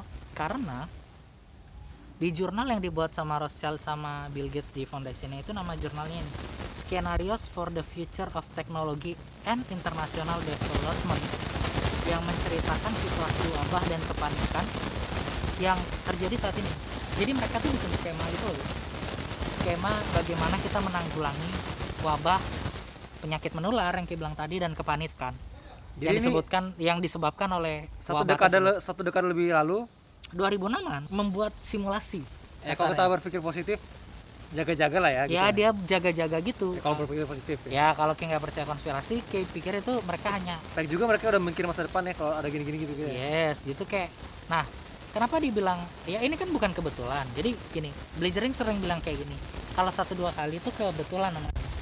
kalau terjadi berkali-kali ya kali kebetulan Kalau berkali-kali berarti keseringan jam. keseringan bukan ke ya jadi iya Ya, karena benar kalau dong. iya ya salah, nggak salah. nggak salah dong ya tidak salah jadi bilang itu ini terjadi terlalu sering termaksud bahwa kita tahu nggak ada film yang judulnya dulu namanya Encounter Encourage Encounter- Contagion Contagion. Oh, aku sempat dengar itu heboh. Ya. Katanya persis banget tanya kayak covid. persis banget cuman menurut salah satu dokter yang waktu itu ngobrol sama Blazering di interview itu itu penyakitnya beda. Tapi Blazering bilang konteksnya bukan penyakitnya. Hmm. ya maksudnya bahwa wabah dan cara kita me- terjadi di hidup kita itu persis seperti film itu gitu. Hmm. gimana dia nyebar kepanikan tempat-tempat lockdown gitu kan. Itu kan persis kan kayak film itu. Tapi dia nggak bilang soal definisi penyakitnya sama persis ya nggak mungkin lah. Nah menurut dia orang-orang ini tuh terkesan siap gitu loh dan mereka tuh kayak ya kebetulan mereka bisa menebak masa depan yang pertama. Dan kedua kan Bill Gates sempat eh, dari fondasinya itu pengen sempat menciptakan vaksin kan? Membuat Yang covid ini. COVID ini. Vaksin Iya, untuk COVID ya, ini. sempat kan? dia bahwa dia bilang aku nih mau buat vaksin buat COVID nih. Nah dari poin itu orang-orang yang percaya konspirasi termasuk Blazering merasa bahwa selalu ada pihak yang mengambil keuntungan dari COVID ini. Termasuk Oke. ketika nanti misalnya aku nggak tahu siapa akhirnya tapi sih kayaknya udah enggak ya. Bill Gates memutuskan untuk buat vaksin ya. Itu kesannya emang kalau memang konspirasi bahwa mereka bersekongkol untuk menciptakan penyakit ini jadi masuk akal. Kenapa jadi masuk akal? Ya kan kayak nggak bisa jual obat kalau nggak ada penyakitnya kan? Ya benar. Betul kan? Jadi ya dibikin aja dulu sakitnya. Nanti aku jual vaksinnya. Masuk akal gitu. Untuk orang yang percaya konspirasi makanya nama-nama kayak Rothschild, Rockefeller. Rothschild ini, eh, Rockefeller ini adalah yang sampai sekarang orang kaya di dunia tapi kaya kekayaannya tuh nggak pernah tercatat. Majalah Forbes ya namanya. Forbes ya kalau nggak Oke. salah. Nyebutnya nggak tahu deh maaf mungkin mereka naruh uangnya di bawah kasur kali ya? Nggak mungkin. Oh, iya, kan nggak iya. tercatat tuh. Anggap mungkin mereka punya kayak di film-film tuh orang kaya tuh punya berangkas raksasa di rumah. Ya. Yang naruh-naruh duitnya dia. Mungkin kayak Narcos gali tanah kubur uang. Bisa bisa jadi. Kayak film John Wick Escobar John Wick misalnya. Jadi eh, mereka ini orang kaya tapi nggak pernah tercatat. Bahkan kalau misalnya setiap tahun Forbes ngeluarin 10 orang terkaya di dunia nama keluarganya dia tuh nggak pernah masuk. Tapi seluruh orang di bumi ini yang percaya konspirasi atau mungkin yang dalam masuk kategori elit global tahu bahwa mereka ini adalah keluarga yang bisa dibilang paling kaya di dunia. Nah tapi kan dari situ kita bisa lihat Love Forbes itu kan media ya kan bisa aja dia ngebayar medianya. Jangan masukin nama aku dong. Nanti Iya. orang tahu kalau aku kaya. Nanti orang tahu kalau atau ah, kalau enggak nanti, Nanti ada aja yang bawa proposal ada yang buat proposal sumbangan. minta sumbangan. Aduh ke eh, nanti orang yang minta bantuan atau kalau enggak biar terbebas dari pajak. Orang kaya kan yang paling dia takutin kan bukan dicuri kan tapi hanya takut uangnya itu harus bayar pajak ke negara itu aja. Jadi makanya kalau kita balikin bahwa makanya kalau kita mencoba memahami Blazering ini bukan orang yang seujuk-ujuk tuh dia masuk loh ke ke konspirasi dan udah aku nggak percaya covid. Dia nggak bilang dia nggak percaya. Cuman dia tahu bahwa pasti ada orang di balik semua ini loh. Karena dia percaya kan dia emang dari awal udah percaya aja kalau uh, 9/11 ada orang di balik itu. Bom Bali ada orang di balik itu. Jadi nggak nggak tiba-tiba gitu. Nah kan sekarang kalau kita kalau buat orang yang suka cerita konspirasi even di negara kita pun banyak banget hal-hal yang kita pikir kayak ini nggak terjadi begitu aja gitu loh. Pasti pasti ada alasannya. Pasti pasti ada orang yang bermufakat kalau bahasanya kita di Indonesia. Ya untuk hal ini terjadi. Itu sih kalau dari aku. Kalau aku nggak tahu Ki, sampai sejauh ini melihat konspirasi yang dipercaya Blazering itu kayak gimana nggak tahu. Tapi memang kalau melihat tahun lalu ya 2020 itu memang uh, fasenya berita simpang siur ya. Termasuk kalau kita lihat lagi di berita-berita tahun lalu tuh ada banyak sekali miss-miss informasi blunder-blunder yang terjadi. Ini kita ambil dari CNN ya. CNN Indonesia berita online tanggal 4 Agustus 2020 tahun lalu. Daftar tem eh, judulnya headline-nya daftar misinformasi corona jaring Anji hingga Kementan. Ini ada beberapa data yang dirilis. Satu obat covid ol- oleh Hadi Pranoto di video Anji. Ya masih ingat ya? Ya ya ya. Bapak-bapak yang diundang Anji itu. Ya sempat heboh. Sempat heboh banget tuh sampai banyak yang unsubscribe si Anji kan akhirnya. Lalu ini yang paling ini ini bukan informasi ya. Lebih ke blunder. Kalung Ecolaptus Kementan. Ini kan nggak ada kalung anti covid ya kalau ngapa ya Kementan sendiri yang ngomong kan vaksinnya belum ada tapi udah ada obat penangkal penang eh bukan obat lagi penangkal. Penangkal. Jadi kita nggak bakal kena kalau pakai kalung itu. Yang akhirnya dirilis lagi ternyata ini nggak sama sekali nggak bisa nggak ada hubungan dengan covid ya nggak bisa. Ya nggak nggak nggak nggak valid lah gitu Terus- bahwa itu bisa menangkal. teori konspirasi jering nomor 3 penganut teori tersebut salah satunya jering meyakini covid-19 merupakan salah satu alat kontrol elit global agar tetap berada di puncak piramida ekonomi dan politik dunia. Jadi kalau yang nomor 3 ini ya yang di- di- ditulis oleh CNN covid yang dibahas oleh jering adalah orang-orangnya ya orang-orang Ya. yang bermain di belakangnya itu yang dia percaya Yang- yang diper- ber- dipercaya sama yang- yang- bermain di ya belakang yang dilawan oleh dia adalah orang-orangnya itu bukan covidnya sebenarnya bukan covidnya jadi dia nggak bermasalah karena aku melihat sih si Jering emang pejuang aktivis ya Iya. aktivis ya jadi apa pun yang mengganggu kehidupan sosial masyarakatnya Hmm. itu yang dilawan sama dia ya betul, Oke. betul, betul.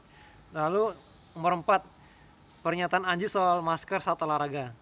Statementnya adalah apa pun penyebabnya tetap jangan memakai masker saat kamu olahraga. Di di beberapa kondisi mungkin benar di beberapa kondisi enggak kalau olahraganya nggak ada keramaian nggak apa-apa nggak pakai masker ya Hmm. kalau keramaian harus pakai masker dong. Ya karena kayak juga pasti Ya, worry ini sempat heboh juga nih di me- ini adalah mis misinformasi di media loh. yes. Yang sebenarnya kalau aku bilang kalau kita pakai nalar pun kita bisa berpikir loh. Ya kalau olahraganya di tempat sepi yang pakai masker nggak apa-apa dong nggak pakai masker nggak apa-apa dong sebenarnya. Oke itu beberapa misinformasi di media. Lalu men- menarik nih bias-bias media ini loh. Selama ini aku tahu yang yang akurat gini yang cuman ambience ambience dari orang bilang ini itu soal konspirasi. Konspirasi yang aku tanggap yang heboh di Indonesia ini adalah konspirasi bahwa covid itu nggak ada. Iya ya, makanya kan jadinya eh, mispersepsi antara Blazering yang percaya dengan konspirasi sama orang-orang yang orang lain yang dalam tanda kutip kontra sama dia gitu loh. Ya. Karena orang yang kontra sama dia mendengarkan konspirasinya adalah em, udah nggak ada tuh covidnya, eh covid itu nggak ada. Nah sedangkan yang dimaksud Blazering itu bukan itu, ya sehingga Ini nih. pertarungannya tuh nggak istilahnya nggak head to head. ini salah satunya di ayasemarang ayasemarang.com kok bisa ya situsnya. Ini dia mengutip sih omongannya captionnya dari Pak Hotman ya. Pak Hotman Paris ya dari akun IG-nya cuman karena aku mulai buka IG-nya karena postingannya ada 15.800 postingan. Masa? Pak Hotman Paris? ku urungkan lah niatku untuk buka postingan tahun lalu. Scroll scroll sampai capek itu. Capek, mending ngobrol di kopi Joni. jadi udahlah kita nggak usah. Jadi intinya Pak Hotman di sini mempostingan mempostingkan eh, berita dari sebuah instansi perusahaan yang menyatakan ada karyawannya kena covid Hmm. lalu caption yang di Instagram adalah agar oknum pemusik di Bali baca postingan ini masih tidak percaya ada ancaman corona ini salah satu contoh nyata loh Hotman Paris kan ada, ada masyarakat dong Iya, iya. ini kan salah satu bukti di masyarakat mengatakan adalah jering nggak percaya corona Padahal sebenarnya dia nggak pernah bilang kayak gitu. Inti poinnya In- adalah intinya poinnya adalah itu bias-bias di masyarakat ini si A ngomongnya apa diberitakan apa si B nya nanggapnya apa? Lucunya adalah kemarin hari ini tanggal 5 kemarin tanggal 4 Agustus Jering tuh ngupload video di Instagram media. Instagram baru lagi ya. Dia nantang ke media. Hmm? tolong sebutkan atau cari di mana saya bilang saya nggak percaya covid. Sejak April 2020 saya percaya covid itu ada. Berarti ya itu dah. Berarti concernnya dia sebenarnya itu bukan soal covidnya ada apa Ya. enggak, tapi bahwa ada orang di balik covid tersebut kan. benar. Aku keselnya adalah ini kan berarti ada orang-orang yang nggak nggak memahami konteks pembicaraan masyarakat ya yang yang bilang covid itu nggak ada dong Ya itu dah itu dah karena kembali ke masyarakat kita adalah contohnya kayak clickbait ya. Dia Jadi tuh ini nge-share- ngomong-ngomong yes, ngomong, ngomong apa diterima yang lain Ya. A- atau mungkin mereka nggak mendengarkan justru. nggak mendengarkan cuman cuman taunya konspirasi konspirasi konspirasi, Mereka nggak benar baca postingannya atau nggak benar baca videonya jering atau contohnya kayak kita tadi karena balasannya panjang, udahlah nggak usah dibaca. Intinya nih orang kan pasti nggak percaya covid. Padahal dia nggak baca, iya kan? Ya. Nggak nonton videonya juga secara full. Dia tuh hanya kayak ya sama kayak clickbait. Dia nge-share postingan tanpa ngeklik dulu postingannya. Nggak tahu beneran yang di judul sama yang asli beritanya benar apa enggak gitu. Nah itu juga terjadi di masyarakat kita B. Kita tuh kebiasaan adalah mau merespon sesuatu tanpa selesai mendengarkan dulu apa yang orang lain ngomong. oh iya benar Kita kan harusnya dengerin dulu teman kita ngomong apa, baru kita respon. Nah masyarakat kita tuh enggak. Nah ini yang terjadi sama Blazering. Mereka tuh nggak mencoba memahami dulu. Kenapa sih orang ini ngomong kayak gini? Al- Alasan dia apa? Latar belakang dia apa? Nah orang pada umumnya nggak nggak nggak mau menemukan keresahan Blazering tuh apa? Orang yang rata-rata dalam tanda kutip ya memang nggak Eh. setuju sama dia tapi masih respect. Contohnya kayak Dokter Tirta, Om Deddy Corbuzier dan sebagainya adalah orang-orang yang mencoba memahami loh Ya. keresahannya dia apa. Dia Oke, tuh orang s- Bali, tahu di Bali kayak sebelumnya gimana. gini kita bukannya mau, mau membela ya? Enggak enggak. aku sendiri sebagai orang yang selama terlalu cuek ya pengen memahami aja sih. Ya maksudnya sebenarnya selama ini kenapa sih? Gitu Ya. oke terus ya karena ya, ya ya memang benar kita hanya mencoba memahami biar kita tuh nggak nggak terjebak bahwa kita tuh nggak menimbulkan kebencian dalam diri kita kita pribadi ya. Bahwa kita tuh nggak suka blazering gara-gara dia nggak percaya outfit loh dia nggak bilang seperti itu ternyata kan? Kalau kita mencoba memahami dia muncul dari keresahan bahwa masyarakat yang banyak tuh merasa sulit. Kalau Kip nonton banyak video yang dia bilang dia tuh nggak pernah kesel gara-gara covidnya ada. Tapi dia tuh kesel karena bagaimana situasi di lapangan yang disebabkan oleh covid dan orang yang bermain. Contohnya yang dia pernah ikutan rame itu kan gara-gara ibu kasus ibu yang dibilang mau melahirkan tapi nggak dibantu gara-gara covid. Ya, ya itu kan benar. sempat rame di Bali tuh Ya. di salah satu rumah sakit swasta di sini. Itu kan dia ikut sangat berusaha sangat keras gitu gara-gara eh, rumah sakit tersebut nggak mau bantu dulu karena ibunya covid. Akhirnya ibunya keluar kabur ke rumah sakit lain dites di rumah sakit tersebut yang baru yang kedua ternyata negatif dan dibantu tapi terlambat karena lama dilahirkan anaknya akhirnya meninggal.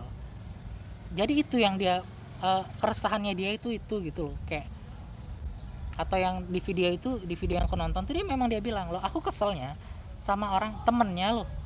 Itu kan Hmm. sakit gara-gara eh, alergi seafood cumi dibawa sama dia ke dokter. Untungnya waktu itu memang hasilnya negatif. Tapi kan udah jelas datangnya. Aku datang karena temanku alergi cumi. Kok dites covid? Dan temannya bayar tes covid itu. Kalau tesnya free sih nggak apa-apa. Jadi kita dipaksa untuk membayar sesuatu yang nggak peruntukannya kita. Itu yang dia masalah. Ya itu yang dia bilang. Makanya dia selalu bilang bahwa ada yang bermain karena memang ada yang diuntungkan gitu. Makanya dia selalu percaya bahwa ada orang di balik semua ini karena memang ada yang mencoba mencari keuntungan di balik covid ini gitu. Ya percaya nggak percaya fakta di lapangan gitu. Kita semua mungkin ya nggak semua ya tapi beberapa dari kita tuh pernah mengalami hal seperti ini gitu. Kayak anggaplah kalau kayak keluar kota mau nggak mau kan kayak harus rapid nih sekarang. Ya. yang tahun lalu ya. Tahun lalu. Terus eh, tapi kan kalau dipikir-pikir kayak ayolah. Bahkan kita kan sepakat ya semua dokter pun semua dokter deh yang mengatakan bahwa menyarankan PCR kan. Karena itu yang validisasinya ya. di atas 90% benar. Bahwa itu memang benar-benar bisa membuktikan positif negatif. Sedangkan rapid trial of errornya 30% lebih. Jadi ada kemungkinan bahwa alatnya emang yang salah. Dokter udah bilang gitu. Tapi ada pihak yang menggunakan itu sebagai hal yang wajib kita gunakan kalau bepergian. Jadi kan ada pihak yang diuntungkan dong dalam hal ini. Produsen-produsen alat tes itu misalnya nah itu yang diperangi beli itu gitu loh Bahkan itu sempat kemarin juga selain mafia-mafia itu ya ya tes-tes itu terus juga eh, kebijakan kebijakan WHO yang yang banyak diprotes Ya, contohnya kan aku tahu juga baru dari K itu waktu Ah. itu bahwa kalau misalnya WHO tuh nggak memberikan kepastian kita di awal bahwa respon apa yang mesti kita lakukan terhadap awalnya COVID ini. awalnya katanya virusnya nggak lewat udara, Udara. Eh pertama lewat udara Ya, dulu. katanya nggak perlu yang yang katanya nggak perlu masker nggak perlu pakai masker yang pakai masker adalah Hanya yang yang sakit. sakit. kan kita nggak tahu siapa yang sakit Kan kita nggak tahu. Ya. Apa mungkin dia nggak ngerasa dia sakit juga kan? ya Tiba-tiba dirubah semua harus pakai masker. Terus Nah. awalnya dia bilang "Ah, ini infeksi lewat udara. Seminggu kemudian langsung diralat. Oh enggak, ternyata hanya kontak fisik. yang heboh akhirnya kan kata-kata kacung-kacung WHO Ya, yang yang akhirnya pada menjerat blizzering ya kan. Ya, yang kalau kita searching kalau kacung adalah di Google langsung berita berita pertama adalah headline-nya beritanya jering. Ya ya, karena memang istilahnya jadi populer. langsung populer jering. Ya. kacung yang bermakna pelayan. Tapi yang dimaksud oleh beli jering ini kalau di di di, di Dan Tribun News ya di tribunnews.com yang muncul tadi istilahnya kacung adalah pelayan itu adalah. Saya benar jering bilang gini saya benar minta meminta maaf kepada teman-teman ID dan berempati kepada kawan-kawan ID karena saya ingin menegaskan sekali lagi saya tidak mempunyai kebencian saya tidak punya niat menghancurkan atau menyakiti perasaan kawan-kawan dia tidak yang jelas saya tidak pernah menuduh ID sebagai organisasi korup organisasi yang pembohong licik aduh Tribunis suka 1 2 3 4 halamannya iya ngomong sekalian aja. Oke, sabar. Menurut Belijering, ini tuh diharapin tidak manut-manut saja terhadap kebijakan WHO. Ya kalau aku mikir seperti yang informasi yang berubah-ubah ya, masker Iya iya. dari airborne jadi airborne segala macam. Ya karena itu WHO juga kan Ya. dalam tanda kutip mereka tuh masih mencari gitu loh. Ya masih benar. meneliti dan sebagainya. Jadi kalau mentah-mentah diambil dan dipanut kan bahaya gitu. Tiba-tiba besok dia ralat lagi gimana? Gitu kan maksud blizzering Mungkin sebenarnya. maksudnya seperti itu kali ya. Ini kok peraturan kok diubah-ubah gitu loh. Ya ya benar. Terus sekarang mau ngapain ribet jadinya harus Jadi kesannya prematur gitu. Dia Orang- belum selesai meneliti langsung dipublish gitu. PSBB sekarang nggak bisa kerja nggak ada duit. Sekarang mau ke mana tapi ke mana-mana harus keluar duit bayar Rapi. C, C ya tes rapid Iya, segala iya, macam. iya. Kita ke semua kekurangan uang tapi dipaksa untuk membayar lebih untuk beberapa hal gitu. Jadi kan uh, ya ya dilema gitu loh. Kayak ya kayak juga mau punya duit banyak, tapi gimana caranya kalau kayak dibatasi ruang gerakmu? PPKM, kerja jadi susah dan sebagainya dirumahkan. Nah, tapi pada saat yang sama ketika mau aman dalam tanda kutip bisa bergerak anggaplah gini lucunya gini kayak kayak pernah ada yang buat status gini soal artis ya aku lupa. Jadi dia bilang loh saya mau vaksin harus punya KTP tapi pas mau bikin KTP ke kelurahan harus ada surat vaksin dulu. Jadi gimana dong? Jadi logikanya gitu. Jadi kayak kayak, kayak mau mau mau kerja tapi ki harus punya surat rapid tapi masalahnya ki nggak bisa pergi kerja karena ki nggak punya surat rapid jadi ki nggak punya duit dong untuk bayar Ya. surat rapid itu jadi jadi dilema gitu.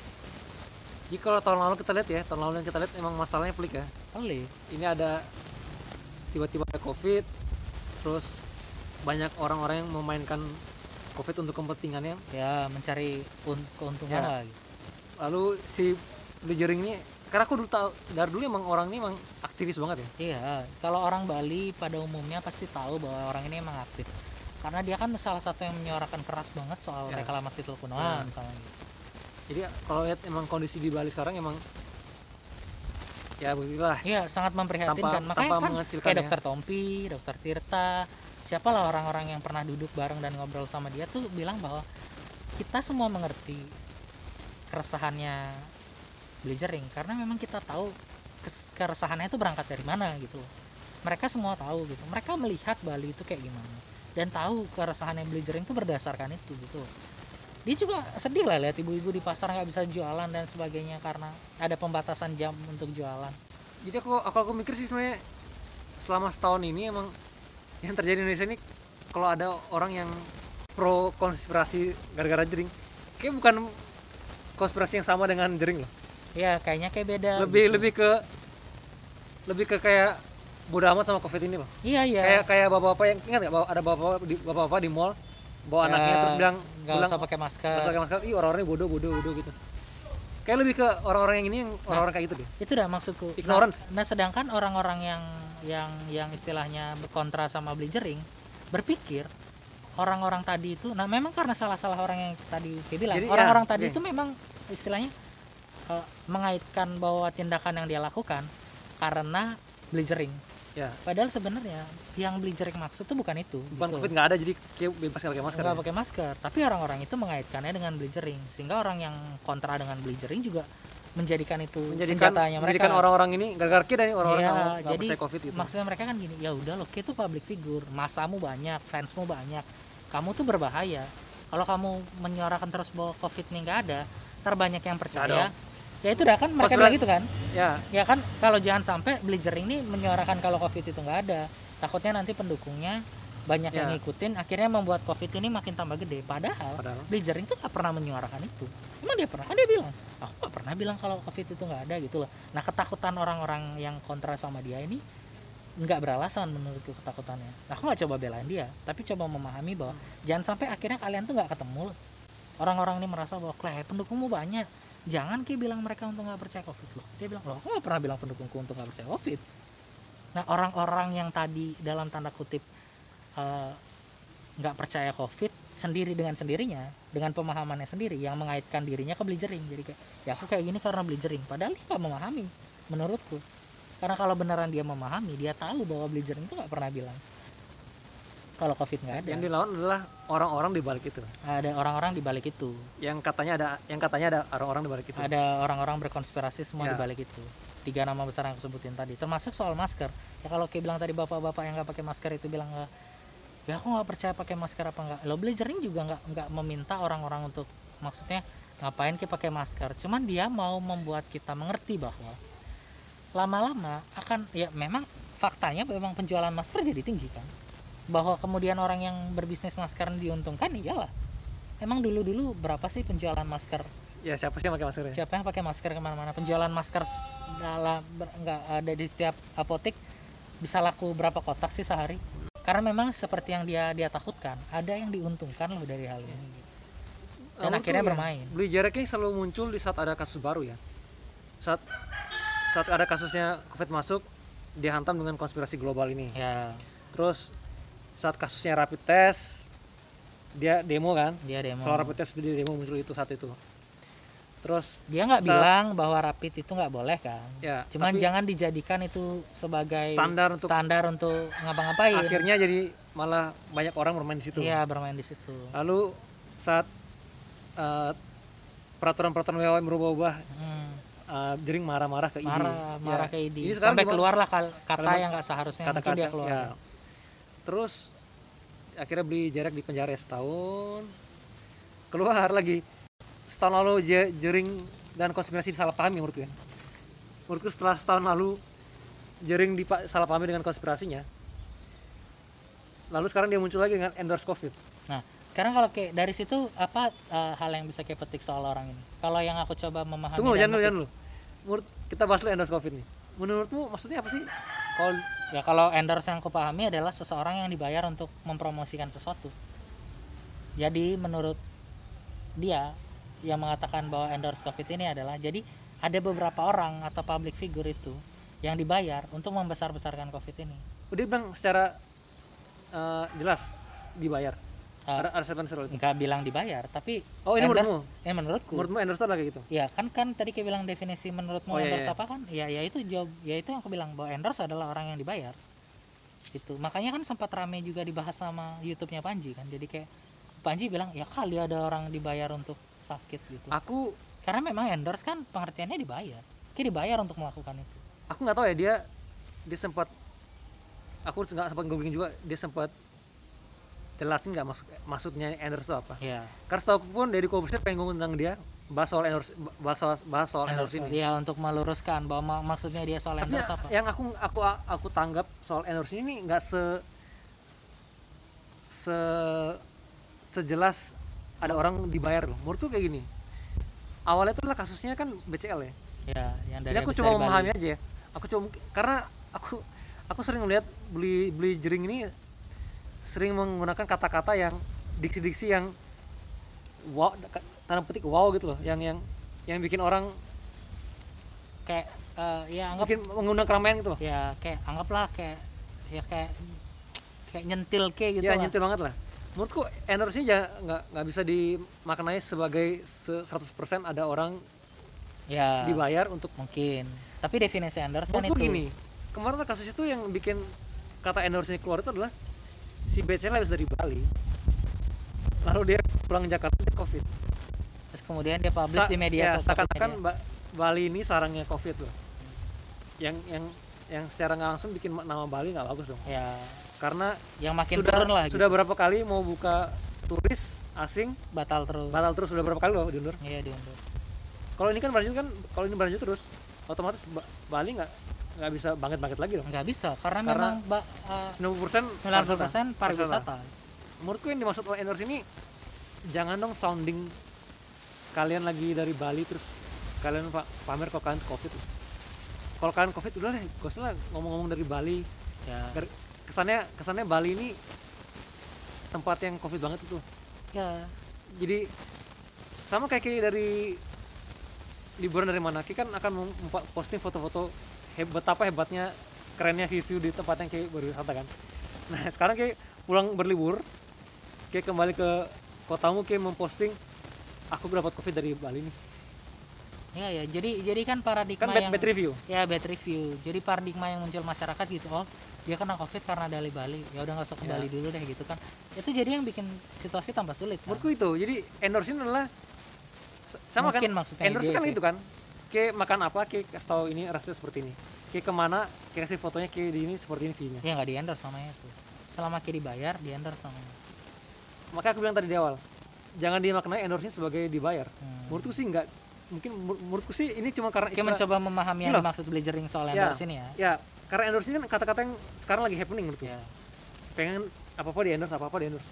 Jadi menurutku dia mau menggunakan kata ini yang lebih mudah masuk ke masyarakat loh untuk di itu kayak aku bilang Ya, tapi jadinya akhirnya buah si malakama buat dia. Ya benar itu karena benar. akhirnya dia pun nggak bisa membuktikan. Karena kan jadi orang yang kontra sama dia nyerang dia kayak gini. Emang dia bisa buktiin kalau aku dibayar? Menurutku dia menggunakan diksi yang bisa mengundang orang tapi tidak tepat untuk menyampaikan apa yang dia mau ya disampaikan dan jadinya bumerang untuk dirinya sendiri. Benar. termasuk waktu diksi kacung sekarang diksi endorse adalah ya. jadinya kan orang yang dia dalam tanda kutip dia serang itu membalikan ke dia. Ya. lo bisa buktiin nggak kalau gue E- eh, efeknya dibayar karena covid ini. efek orang untuk pay attentionnya besar tapi maknanya tidak tepat. Ma- ah, pesan yang dia mau nggak tersampaikan jadinya gitu. Karena tertutup dari perdebatan soal itunya gitu. Soal endorsement itu. Makanya kalau kalau dari aku secara pribadi ya aku memang sepakat kalau misalnya kayak, kayak habis dari liburan dari suatu tempat itu nggak semata-mata bahwa kayak kena virusnya dari suatu tempat itu.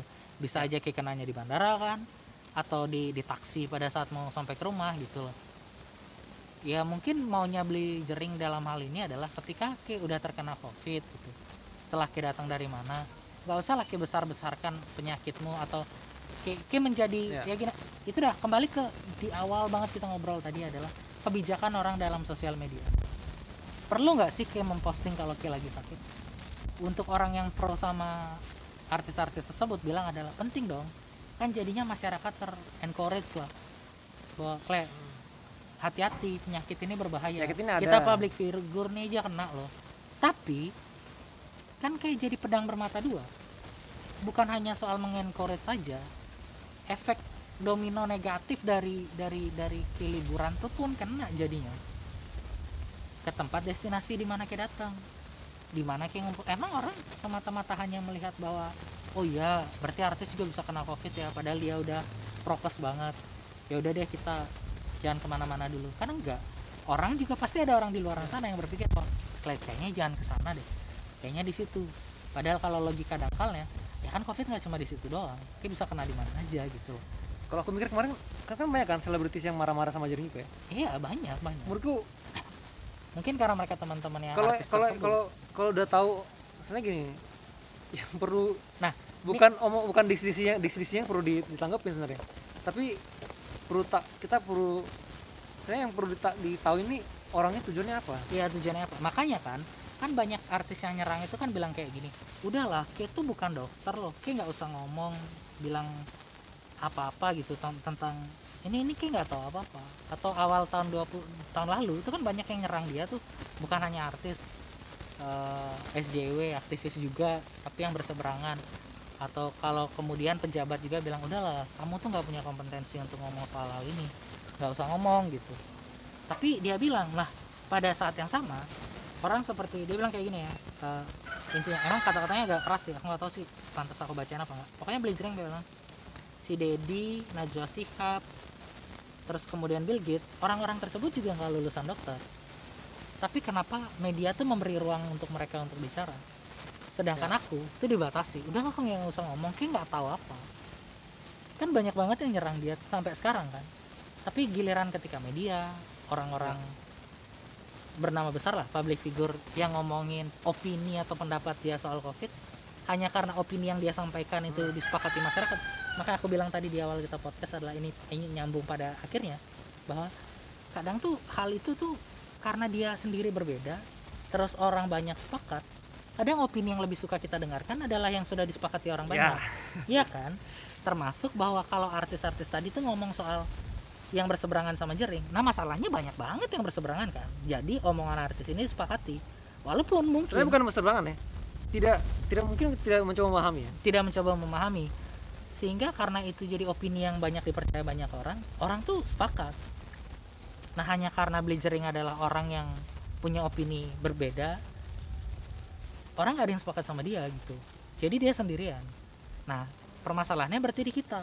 Kita nggak coba memahami tapi kita sepakat di suara terbanyak aja. Oh karena banyak banget yang ngomong kayak gini aku lebih sepakat ke dia deh. Kayaknya bener. Padahal kita nggak coba memahami. Tapi ini menarik ya. Aku dari aku terus terang uh, lumayan mengikuti beli jaring sebelum uh, pandemi covid. Oh. ya orang ini emang ka- karakternya unik ya. Aku ngelihat dia emang dari dulu sering ber, jadi jadinya jadi toanya lah ya. Toanya paling keras loh untuk bersuara. Ya dia dia dia orang garda terdepan lah. Aku sempat dulu nonton dia di diwawancara oleh Soleh Solihun ya. Hmm. di channelnya Sol Sol Interview. Dia sempat ketemu langsung. Ya ini ini kan sebelum pandemi. Oh sebelum pandemi. Udah lama banget 2017 udah lama oh oke oke. Eh, kayak aku lupa detik menit berapa ya. Nanti cari aja di videonya. Aku nonton nonton. kurang lebih dia sore nanya gini jering ini di SID itu sebagai apa gitu? Dibilang gini dia kalau ibarat saya tuh seperti dewa siwa yang yang menghancurkan meleburkan. Jadi kalau di kepercayaan agama Hindu Hindu. kan ada tiga trinitas ya ada wah ini saya googling ya yang sampai ada ya. Brahma ada Brahma eh, Siwa Wisnu ya Brahma Sisa Wis- Wisnu Siwa jadi dewa Brahma yang Brahma menciptakan ciptakan Wisnu yang memelihara Siwa yang melebur merukan menghancurkan yes yang- that. hal-hal yang sudah tidak berfaedah di dunia Berfaedah di dunia ini ibaratnya kayak konsep kayak konsep konsepnya Thanos juga sih. Ya tapi orang itu dah makanya Ya. orang yang memahami Thanos dan Dewa Siwa berpikir bahwa Dewa Siwa itu jahat padahal Ya. enggak intinya sebenarnya me, merus- merestrukturasi kembali dunia. Dunia kembali ke hidup eh, dunia udah hancur kem- dihan- dunia udah akan hancur dihancurkan biar tumbuh lagi kehidupan baru yang lebih baik. Ya, ke Thanos ya. Nah cuman permasalahan adalah sih ada siwanya siapa Brahmanya siapa Wisnunya ini yang aku mau lihat. Karena di jari di SID pun beli Eka sama beli beli Ek- Eka sama satu satu satu oh ya beli Bobby. Bobby sama beli Eka tuh emang jarang bersuara ya? Jarang bersuara aku melihat ya ini kamu aku bilang kayak kayak kayak bilang tadi tuh, emang sendiri beli jaringnya ya. dia menurutku Belajar ini punya punya visi yang bagus menurutku. Memperjuangkan ke- ketidakadilan sosial ya tapi dia tidak punya jubir yang baik untuk menyampaikan pesan-pesannya dia dan dia tidak dia tidak punya orang-orang sekitar yang mau bersama dia menurutku. Alright sepakat sepakat. Jadi cinta atau benci jaring SID itu terserah kalian. Tapi gunakan pikiran kalian hati kalian. Kalau membenci tanpa memahami itu buang-buang waktu kalian sih. That's good. Saya Babe. Cacen Sampai jumpa di podcast Becek minggu depan. gokil